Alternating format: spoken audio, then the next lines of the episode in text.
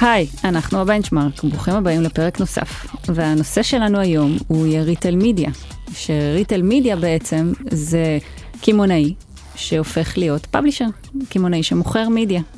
אה, מדיה על retail. נתונים מראים ממש לפני שבועיים אה, מחקר שהתפרסם על ידי GroupM, אומר שה spend של retail media ב-2022 יהיה 18% מה global digital advertising, סכומים מאוד מאוד גבוהים, 11% מהסך הכל הטוטל אדברטייזינג, ועד שנת 2027 הצמיחה שם כבר תהיה ב-60% וזה יגיע ל-160 מיליארד דולר. בוא נגיד לא תחום אה, שולי או קטן, משהו שכן צריך להתייחס אליו, ובפרק היום אנחנו הולכים בעצם לדבר על מה זה, מה המגמות בתחום הזה, קצת על איך זה התחיל ומאיפה הגענו לכאן, מה קורה בישראל היום ולאן אנחנו חושבים שזה הולך ללכת. אמזון, אה, ה retailer אה, הכי מפורסם, הכי גדול בעולם, בטח בהיבט, לא הכי גדול בעולם, ב bricks and mortars, מה שנקרא נכון. בדיגיטל.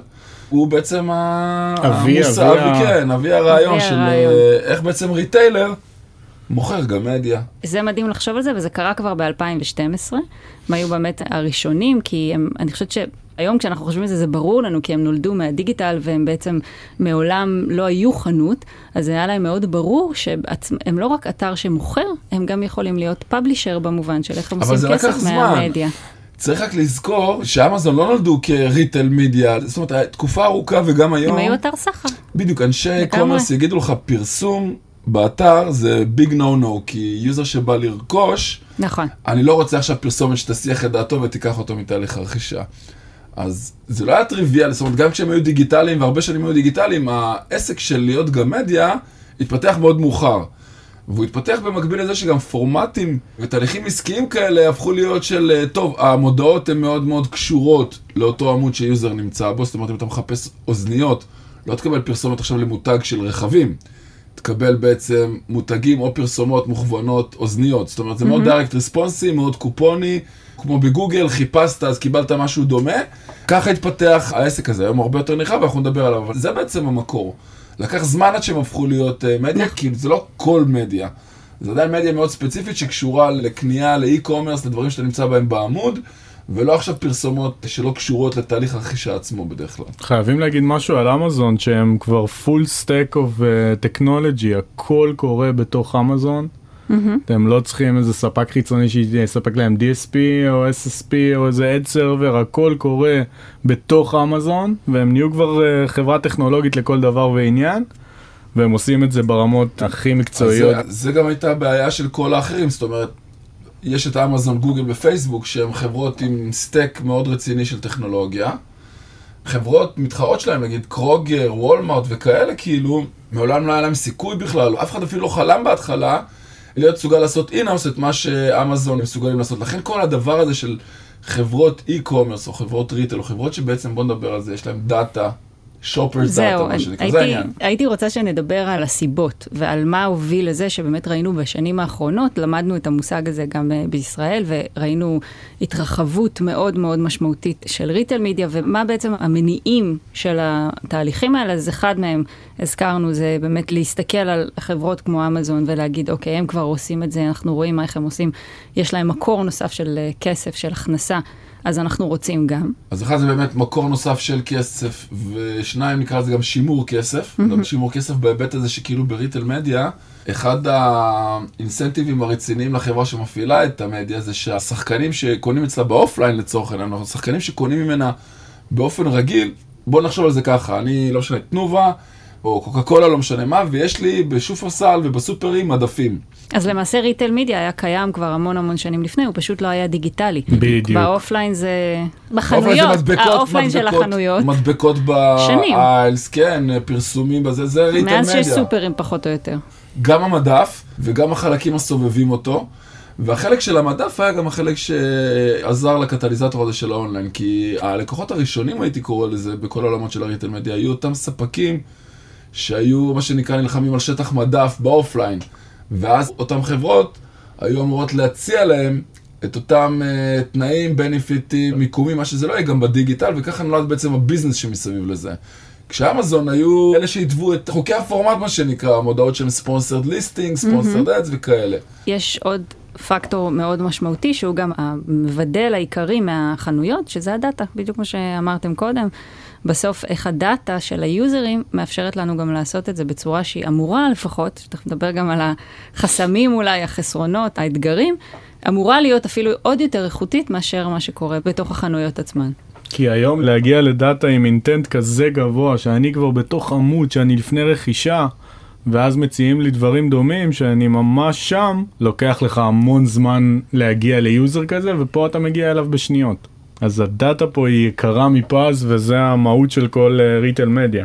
אוקיי, okay, אז אמרנו בעצם שריטל מדיה במהות רגע של החנויות קיים בערך מאז שחנויות המעבר של זה לאונליין התחיל עם אמזון, שהשיקה בעצם את הריטייל מידיה נטוורק הראשון ב-2012, אבל באמת זה לקח זמן, זה לא היה טריוויאלי, כדי לא להפריע בתהליך הרכישה, כדי להיות מדויקים והכל.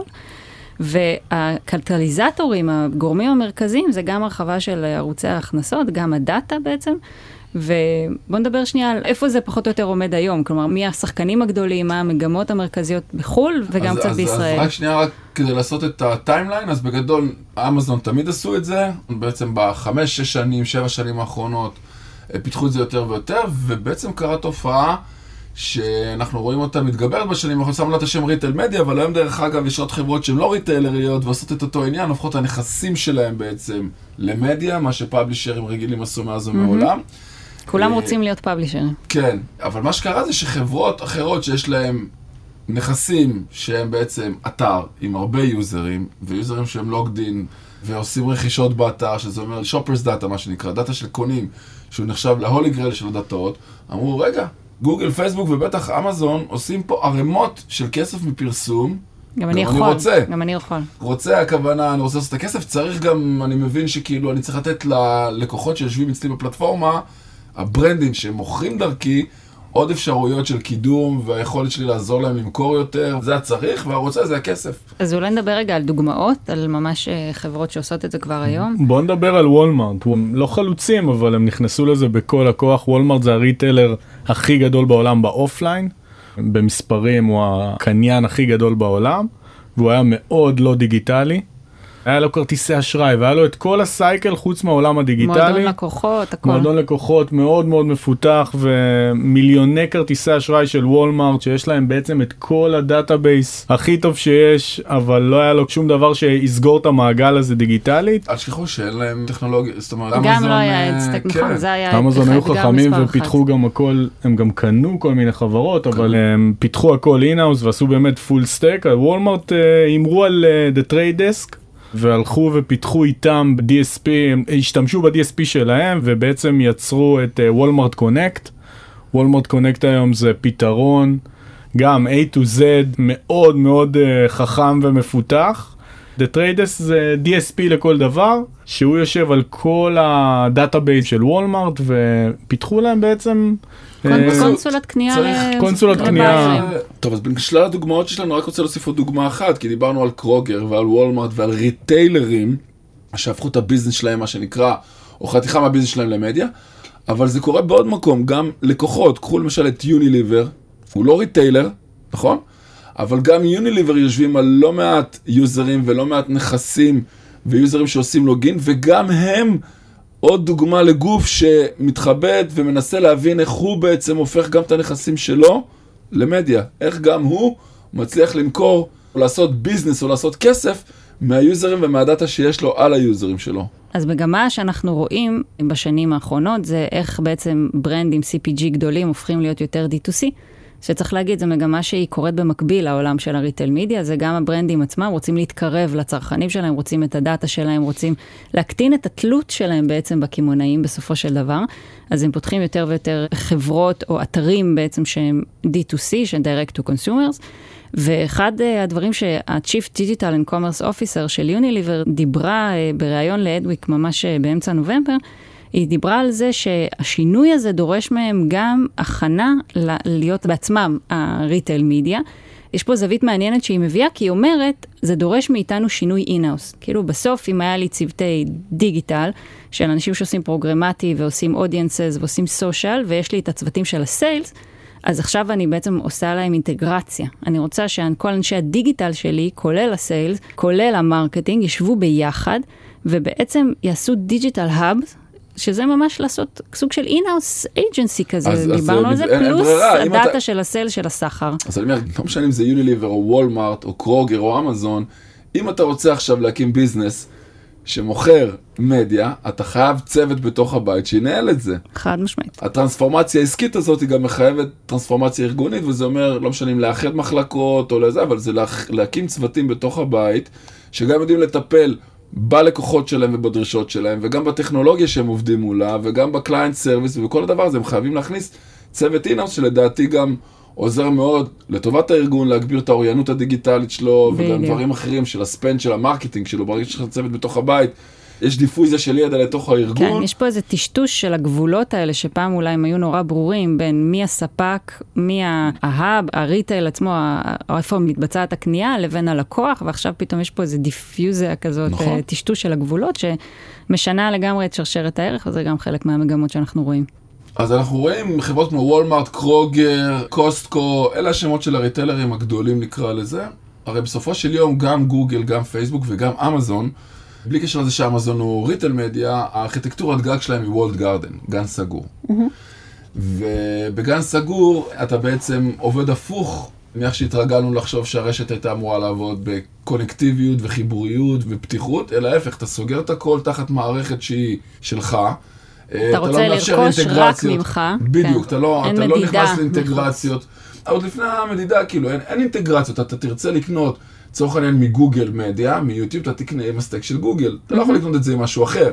אתה רוצה לקנות מפייסבוק מדיה, אתה קונה את זה עם ה stack של פייסבוק, אתה לא יכול לקנות את זה עם משהו אחר. ואתה רוצה לקנות מאמזון, לצורך העניין מדיה, אתה תקנה את זה עם ה stack של אמזון ולא עם משהו אחר. אבל עכשיו באים חברות כמו וולמארט, קרוגר וכאלה, ואומרים, טוב, אני אין לי את המשאבים, אין לי את הכסף, הרי אמזון בונים את ה stack הזה לא רק בגלל ה retail media, ברור. הם בונים אותו בגלל כל הביזנס שלהם. ואז התחילו להתהוות גם שאלות וגם פורמטים של אוקיי, איך מייצרים עכשיו טכנולוגיית קנייה ומכירה לוולמרט לצורך העניין, שהיא לא גוגל ולא אמזון, אמזון לא ייתנו את ה stack שלהם לזה. עכשיו צריך גם להבין שאם בתור וולמרט אתה עולה על הכלים הסטנדרטיים של ההייטק, מה קורה בעצם? אתה מהר מייצר פרצות נורא גדולות נכון, חשוף. של data בדיוק. חשוף דרמטית אם לפרצות. אתה מאפשר קונקטיביות, אתה בעצם מאפשר חדירה. זאת אומרת, ה walled gardenים לא סתם הם גנים סגורים, כי הדרך היחידה להגן על ה data שלך, או להגן על הפרטיות של ה user, מה שזה לא יהיה, פשוט לסגור אותו בגן נעול. נכון. אז מה שוולמרט עשו, אחרי הרבה שנים שהם אה, ניהלו איזה ביזנס בתוך הבית, שהיית קונה מהם כאילו managed campaigns, היית בא לוולמרט ואומר, אני רוצה, כן. כן. הם חברו ל Trade Desk, בהיבט של בואו בעצם נאפשר קנייה פרוגרמטית, self service מה שנקרא, שהקניין יכול לשרת את עצמו ולא צריך אותנו. שזה גם scaling up בעצם. מה שהם עשו זה שכאילו Trade Desk עשו בעצם, חומת אש מה שנקרא, ואת כל המערך של ה data שקשור, בוולמארט שמו על חתיכת cloud נפרדת שהיא גם לא אמזון. זאת אומרת, Trade Desk לצורך העניין, רוב ה data שלהם נמצא מאחורה ב back office על אמזון, ווולמארט, בתור אחד המתחרים אמרו הכי לא. גדולים של אמזון, לא הסכימו. זה ממש אה, כמו white label כזה, לקחת טכנולוגיה ולעשות לה שירות לגוף אחר, אבל במתווה עסקי שונה לחלוטין. נכון, זאת אומרת, אתה נכנס, בסוף, אם אנחנו רוצים לדבר פרקטית איך זה קורה, קניין שיש לו, אה, לצורך העניין, במשרד login ל-Trade Desk, והוא קונה בו דברים, אה, כשהוא רוצה לקנות מ-Walmart? הוא יצטרך לעשות login שונה, שונה. כנראה, בתוך Trade Desk, ואז הוא מגיע בעצם, הממשק הכל נראה אותו דבר, אבל מאחורה, כמה דברים שונים. אחד, זה רק הדאטה של אה, Walmart, שניים, יש שם פיצ'רים שאין ב-Trade Desk באופן רגיל, וזה בעצם, כשאתה רואה את העניין של המרות, אתה יכול גם לראות כמה המרות היו בקנייה זה- בחנות. זה כי- enriched, כן? כן. זה מועשר. ואני חושבת שמה שמעניין בהקשר הזה, זה מתחבר לפרק שעשינו על ה-DSP, ו- ובכלל, כשאנחנו מדברים הרבה בפרקים האחרונים, כל הקונספט הזה של לקנות את הכל ממקום אחד, ושהכל מחובר, ויש לך איזה ראייה כללית, זה שהוא עוד מת. יותר מעצים את העניין שזה לא הולך לקרות, וזה לא קורה בפועל, וזה לעולם כנראה גם לא יקרה. אם אני אעשה הגבלה למה שקורה בישראל, קצת אלינו, אז uh, גם אנחנו בתוך קבוצת מאקו עשינו איזשהו וולד גארדן על גבי הנטוורק או הרשת של IDX, בעצם יצרנו white label שלנו, שנקרא Planet K. אתה נכנס לשם ושם אתה יכול לקנות את כל העולם של הוידאו של קבוצת קשת. ורצינו ממש בידול מוצרי, בידול של הדאטה שלנו בתוך עולם סגור, מאוד מאוד מזכיר את מה שקורה בוולמארט, שהם רצו להיות על טכנולוגיה מאוד מאוד מתקדמת, אבל בידול מוצרי, בידול של התמחור, לא להתערבב בתוך network מסוימת של וידאו, שזה מה שהיה לנו אז ב-Artimedia, טרום אה, התקופה הזאת, ולכן יצאנו למהלך הזה. אז Walmart לצורך העניין בחרו באמת ב-Trade Desk ובסיפור הזה. חברות אחרות, למשל Kroger, עובדות עם SSP, זאת אומרת... הם ממש הקימו חברה, ממש נכון, ממש הקימו חברה שקוראים לה Kroger Precision Marketing, והיא חברה נפרדת שמנהלת את כל אבל עדיין מה שהם עושים, בניגוד לזה, הם בעיקר אה, מאפשרים לעשות דילים mm-hmm. של private deals, כאילו, זאת אומרת, כן. אם, אם Walmart אמרו, שנייה, אנחנו סוגרים את העסק הזה מכיוון ה-DSP, אפשר לגשת אלינו דרך DSP, אחד, של Trade Desk, שאתם mm-hmm. צריכים login שונה מה-login הרגיל שלכם. חברות אחרות, נגיד Kroger לצורך העניין, אמרו, טוב, אנחנו נתמקד רגע ב... לעשות אינטגרציה עסקית לצורך העניין עם SSP, אני חושב שזה ה-Index, mm-hmm. ובעצם אינדקס מקבל גישה לכל המלאי והדאטה ומחצין את זה החוצה. אבל אפשר לקנות את זה דרך כל DSP כאילו. בדיוק, ואז מתחילות okay. אוקיי. הבעיות דרך אגב. והם חברו אבל עם Target, בואו נחדד את זה, Target הלכו עם, עם Kroger. retailer ענק. שראה ש-Walmart מצליח uh, בעולם שלו, אמר אני הולך עם Kroger והימר על הפתרון שלהם. רוצה רגע להוסיף, בקטנה, אבל שהסיפור עם Walmart ו-Trade Desk הגיע אחרי שכאילו במשך אה, כמה שנים טובות, Walmart עבדו בעיקר אה, דרך AppNexus. כלומר, הם הגיעו למסקנה שהם צריכים ללכת עוד שלב אחד יותר קרוב, או שזה היה AppNexus DSP? זהו, זה היה AppNexus DSP. הבנתי. והם עברו ל-Trade Desk, כמו הרבה אחרים דרך אגב, Trade Desk הפך להיות באמת בארבע שנים האחרונות ה-DSP המוביל. כן. אני חייב לציין עוד איזה פתרון שנתקלתי בו ומאוד משך לי את העין, אה, Best Buy. עלו גם עם Best Buy Ads, זה הסולושן שלהם. הם אה, יושבים על הפתרון של Criteo, אה, נכנסתי לתוך העולם שלהם, יושבים על 180 מיליון user ים, זה פתרון סופר מתקדם, והם גם מחברים את זה לתוך החנויות עצמם, הפיזיות, על ידי הכרטיסי אשראי, והם יודעים הכל על אותו user, ויש להם database מטורף. אז בשנתיים האחרונות אנחנו פתאום רואים בום. Mm-hmm. Kroger, Walmart, Albertsons, Best Buy, ויותר מזה, גם לא רק חברות retail, אנחנו רואים חברות כמו Uber. שזה וחברות... מאוד מעניין. כן, אנחנו רואים בעצם חברות שאומרות, רגע, בשנתיים האחרונות, שלוש שנים האחרונות קרו כמה דברים. גם הבנו כולנו שעושים כסף בדיגיטל, וגם אנחנו רוצים שתיים. אם לפני שלוש, ארבע שנים הקניין היה אומר, טוב, shoppers data, דאטה של shopper ים, אני יכול למצוא, אני יכול למצוא אותו ב-Google ואני יכול למצוא אותו ב-exchange ים. זאת אומרת, אני יכול להיכנס ל-exchange, או אני יכול להיכנס ל-DSP ולהגיד, טוב, אני רוצה דאטה של shopper ים, כי מי מוכר את הדאטה? זה חברות כמו American Express, אולי אפילו Kroger ודומיהם, אפשרו לדאטה כזה להיכנות ב-exchange ים, אבל מה שקורה בשנתיים האחרונות, שוב חוזרים, המנגנון של ה-third party cookie הולך ונעלם, והיכולת להעביר דאטה בין דומיינים, או היכולת של קניין לקנות במקום אחד דאטה שמגיע ממספר רב של דומיינים, הולך ומתמעט. אז מה בעצם קורה? אם פעם לא היה אינסנטיב לקניינים ללכת לספק ספק, קרי ללכת לוולמארט ולקנות אצלו מדיה, וללכת לקרוגר ולקנות אצלה מדיה, לפני כמה שנים זה לא היה אינטרס שלהם, הם יושבים על DSP, ואומרים אוקיי, הדאטה של קרוגר, הדאטה של זה, אני אמצא משהו דומה לו דרך חברות אשראי ואני אקנה את זה באופן כללי. אז third party cookie, כמו שאנחנו יודעים, כמו שאנחנו מדברים על זה הרבה בפרקים שלנו, לא מאפשר יותר את העניין הזה של לקנות, אז אתה צריך ללכת ישירות, בדיוק. אתה רוצה דאטה של אה, שופרים באמזון, אתה תלך לאמזון, אתה לא יכול למצוא אותו במקום אחר. אתה רוצה דאטה של קניינים שהוא זה, אתה תלך ל-Walmart, תלך ל-Best Buy.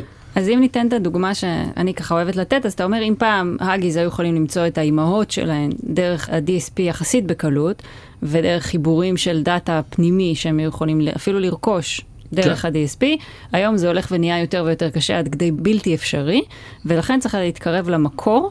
שזה בעצם ה-retailer ים, ש- לא, ששם מופיע... נגיד, נגיד בדיוק, נגיד גם Uber אומר לעצמו, סתם דוגמה לצורך העניין, מספיק שיש לי הרבה user ים, יכול לבוא כל גוף שיש לו מעל 150, 200, 300 מיליון user ים, כי אז זה מתחיל להיות באמת סקלבילי, uh, ואומר, תשמע, אם אני יודע על ה-user ים האלה, אם ה-user ים האלה הם logged in, זאת אומרת שקודם כל אני יכול uh, למצוא אותם חד ערכית, שתיים, אני יודע עליהם דברים מעבר לגיל ומין, אני יודע הרגלי רכישה, סכומים, אז בואו נפתח עסק של פרסום. כי היום בניגוד לבעבר, קניינים התאמצו לחפש את ה-user ים שלהם גם אצלי וגם אצל אחרים, בניגוד לבעבר שהם היו יושבים ואומרים, אני אשיג את כל האינפורמציה הזאת, את כל הדאטה שאני צריך בשביל למצוא את ה-user ים האלה. אני אמצא את זה ב-exchange ים, ודרך ה-data broker ים שעבדו על מנגנון של third party cookie, נכון. שהולך ונעלם ומתחרב. אז זה ה-incentive העיקרי דרך אגב. ויש פה שאלה מעניינת, האם זה בא על חשבון תקציבי הדיגיטל? הרגילים שמגיעים ל-publisher ים? כלומר, האם זה מגיע, אני אומרת, אה, בעיניים של ה-agency נגיד? האם זה תקציבים שפעם היו הולכים ל-publisher ים תקציבי marketing, או האם זה תקציבי sales? כי אנחנו יודעים שהתקציבים של קידומים בחנויות, הפיזיות זה תקציב של המחלקות של הסחר, של ה-sales. של המותגים בתוך הסופרים, בתוך החנויות, ואז השאלה, מאיזה כיס זה מגיע וכמה זה משפיע על שוק הפרסום הדיגיטלי שאנחנו מכירים. שאלה מצוינת, אני חוקר על זה בתקופה האחרונה, על הריטל מדיה.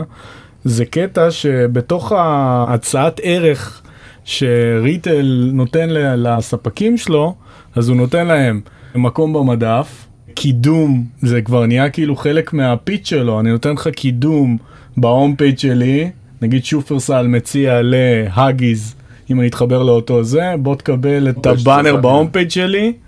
ודיברנו מקודם נגיד על בסט ביי, אז בסט ביי הולך על זה עוד יותר אה, זה, ואומר לך בוא אני אציג לך בתוך החנויות שלי, על המסכי טלוויזיה, את הוידאו שלך. אה וואלה. כאילו הם הלכו על זה כן. על כל הצ'יין, בגלל שהוא אמר שהוולד גרדן מאוד uh, שומר על הדאטה. לא רק על הדאטה, גם ברגע שאתה עושה וולד גרדן אתה לא מחויב לכל מיני אינטגרציות וכאלה, ואז אתה יכול פנימית באמת, כמו שאתה אומר, אה, הטלוויזיות מחוברות אצלי במעגל אה, סגור, סתם דוגמה, ויושבות זה, אין בעיה, אבל עכשיו לאפשר לאחרים להגיע אליי, לאינבנטורי של הטלוויזיות בחנויות, זה כבר מתחיל להיות uh, סיבוך. אז לשאלתך, זה גם וגם, זה כאילו מגיע משני הכיוונים, כי אמרנו, יש אפילו פרסומות בתוך החנויות עצמן, ועד ה social ועד ה search. נותנים לך את כל ה stack solution כזה. לי נראה עוד פעם שחלק גדול מהתקציבים הם אותם תקציבים שהם direct response ים, זאת אומרת, לא נשאר המון בתקציבי ה brand ממילא בדיגיטל. תראה, אבל מה זה direct response? בסוף עכשיו אני משיקה חיתול חדש. זה לא דיירקט ריספונס, אני רוצה להגיד, יש לי עכשיו חיתול חדש. השאלה אם זה תמיד בא... לא, זה לא, אז דווקא... חיתול חדש אז... ובמחיר היכרות. לא יודעת, כאילו, זו שאלה מעניינת. אז, אז אני חושב שאני יודע את התשובה. ביום שאתה תעשה את ההשקה של החיתול החדש, אז אם פעם היית עושה את זה נגיד רק לצורך העניין גוגל, פייסבוק ופאבלישרים, אז אתה תעשה את זה אולי גם באמזון ובזה, אבל כשתיגמר ההשקה, את המשך הפרסום שלך לחיתולים האלה אתה תעשה סביר להניח חלק גדול ממנו בעולמות של הריטל מדיה, אם פעם היית עושה אותו רק בגוגל שופינג, לצורך העניין רק בגוגל, כי זה באמת מה שקרה, זאת אומרת, אפשר להגיד שאמזון היו הראשונים שגדעו מהדומיננטיות של הסרצ' בגוגל. די היחידים, אני חושבת. לא, אז עכשיו יש עוד פעם. במידה מסוימת. הם היו הקטליזטור, אבל היום למשל, מאוד מקובל למפרסם בארצות הברית להגיד, טוב, אני לא שם את כל התקציב שלי עכשיו בסרצ' ובגוגל, אני אשים אותו בוולמארט ובאמזון, כי אם אני מייצר חיתולים, אז לא מעניין אותי רק מי שמחפש חיתולים. נכון, אני רוצה להתקרב למי שמוכר. בדיוק. והאמת שדיברנו על זה גם בפרקים הקודמים, ש... בסוף כל פעם שיצא איזשהו מחקר, תמיד זה גם בדיעבד כזה, כל מה שגוגל חשו שיש איזשהו איום על החיפוש, אצלם פשוט בלעו פנימה את היכולות. אם דיברנו על באזור ה travel למשל, אם פעם אנשים היו באמת נכנסים ומחפשים בתוך קאייק אה, או בתוך סקאי אה, סקנר או זה מחפשים טיסות, אז יש גוגל פלייטס. אפילו ברמת התשובות לשאלות שאתה רוצה לדעת כמו ויקיפדיה או במקומות כאלה, אז פתאום אז יש לך את התוצאות, תוצאות ספורט שדיברנו בפרק הקודם, אז הבנו שזה פחות, uh, ומדי פעם יש את הכתבות האלה של אנשים מחפשים קודם כל ב... כי באמת בארצות הברית, אה, כשכבר אנשים באים לחפש מוצר מסוים, בגלל שאמזון הוא כזה אקוסיסטם שלם, הם באים ומחפשים אותו באמזון, לא מחפשים אותו בגוגל, ואז אה, נכנסים נכון. ל... קודם כל סומכים על אמזון, אז הם הולכים לריטיילר שהם סומכים עליו ושם הם מחפשים את זה. אז חלק גדול, הייתי אומר, מהתקציבים שמופנים אליהם, הם אה, מה שנקרא... קשורים לזליגה או להעברה של כסף לדיגיטל בגלל היכולות ה-direct responsive שלו נכון. במכירות. מי שעושה את זה, בשפה שלנו הישראלית, זה לאו דווקא אנשי השיווק באותם מותגים, לצורך העניין של האגיס, אלא אנשי הסחר mm-hmm. בהאגיס, שאנשי הסחר בשפה שלנו זה אנשים שאמונים על מה שנקרא האינטראקציה עם הריטלרים, רבים איתם על המדף, רבים איתם על אחד פלוס אחד. ואז הרבה פעמים יש את הבנדלים האלה, נכון? בדיוק. אולי הבנ... נדבר קצת באמת על מה קורה בישראל. בישראל אנחנו מכירים את שני השחקנים הכי גדולים בתחום הזה, שזה כמובן סופר פארם ושופרסל. שמחפשים את הדרך שלהם בתוך הזירה הזאת, אנחנו יודעים שמחפשים אה, גם פול סטק להביא איזשהו פתרון. שייתן פתרון כולל למכירת המדיה, לניהול הדבר הזה. פתרון שהוא self service. בדיוק. עושים, כן. כי כרגע הם אה, עושים את זה מאוד מאוד, נקרא לזה ישן, טיפשי. בדור עדיין, הראשון. כאילו כמו אחד. שהיה מנהל מדיה פעם שיושב ומנהל לך את הקמפיינים, אז הם ככה, הם, אתה שולח להם ממש מדיה, הם מעלים את זה באתר סופר פארם, באתר שופרסל. באפליקציות. באפליקציות השונות וזה ממש מנוהל כמו publisher אה, של פעם בלי שיתופי data כי כל ה walled garden היום עושה להם המון המון בלאגן אבל שניהם מחפשים מאוד פתרונות ואנחנו יודעים שהם עושים את הצעדים הראשונים כדי להיכנס לזה. הם עובדים ב scale ים מאוד קטנים במה שנקרא managed, הם מקבלים את הבריף מהלקוח או ממשרד פרסום, והם בעצם עושים את זה. הם לא מאפשרים לך לגשת למערכת שאתה בתור קניין עצמאית יכול לעשות את הבחירות שלך מולם. הדבר הזה של לפתוח את זה ל stack שמאפשר self service, ולא רק קנייה שהיא managed במיקומים קטנים באתר וב retargeting בגוגל ובפייסבוק, הוא תהליך שהם סובבים סביבו כבר לדעתי משהו כמו שנתיים. זה אה, מדהים, כי יש על זה הרבה רעש. אז זה כאילו נשמע שאנחנו עוד לפני הרעש הגדול, כי אנחנו כן אה, שומעים על זה וכן מראיינים אותם וכן מדברים, ויש דמויות אה, מאוד משמעותיות שאנחנו מקווים שנוכל להביא אולי פה לראיון אה, בפרק הבא, כדי באמת לדבר ממש על... איך איך עושים קורה את זה, ואיך זה את זה, קורה, כן. ואיפה האתגרים. עוד פעם, אני חושבת שחשוב להגיד שזה לא הכל אה, ורוד ופרפרים, וזה, לא, כי זה- יש זה- פה הרבה דברים שהם כן. הם לא איפה שהם אמורים להיות או יכולים להיות או להבשיל לשם. טוב, אז לפני ככה משפט סיכום, בואו נגיד שאנחנו הולכים לעשות פרק ב' על הנושא הזה, אנחנו מרגישים שיש פה עוד הרבה מה להגיד, ונחפש ככה את האנשים המרכזיים שעוסקים בעניין הזה בארץ, ויהיה לנו את הריאיון הראשון שלנו בפודקאסט. כן, שננסה להבין מה קורה אצלם בתכלס, כן. וכל מיני זוויות של אה, מבפנים, כמו שאמרנו, איך העניין הזה מול סוחרים, ומאיפה התקציבים מגיעים, כל הדברים שנגענו בהם פה. מעניין לשאול מישהו שהוא אה, כבר בתוך התהליך פה בארץ, באחת מהחברות האלה, של איך הוא רואה את זה, איך זה מתבטא אצלם, והשאלות האלה, שאלות שלהם, מאיפה הכסף מגיע, מה הלקוחות רוצים, מה הם צריכים, מה אתם רוצים לתת, מה אתם יכולים לתת. ותחרות ל agencies, לא תחרות ל agencies. מה עם הבעיות של ה data, זליגות data, מה אתה עושה היום בלי third party, איך אתה קונה את זה דרך פלטפורמות חיצוניות, האם אתה נותן בכלל גישה לזה, או שאתה משאיר הכל כמו וולמארט וכמו בסט ביי, שאתה שומר הכל אצלך ואתה מנהל הכל in-house בתוך הבית. מעולה, אז אה, נשתמע בפרק הבא.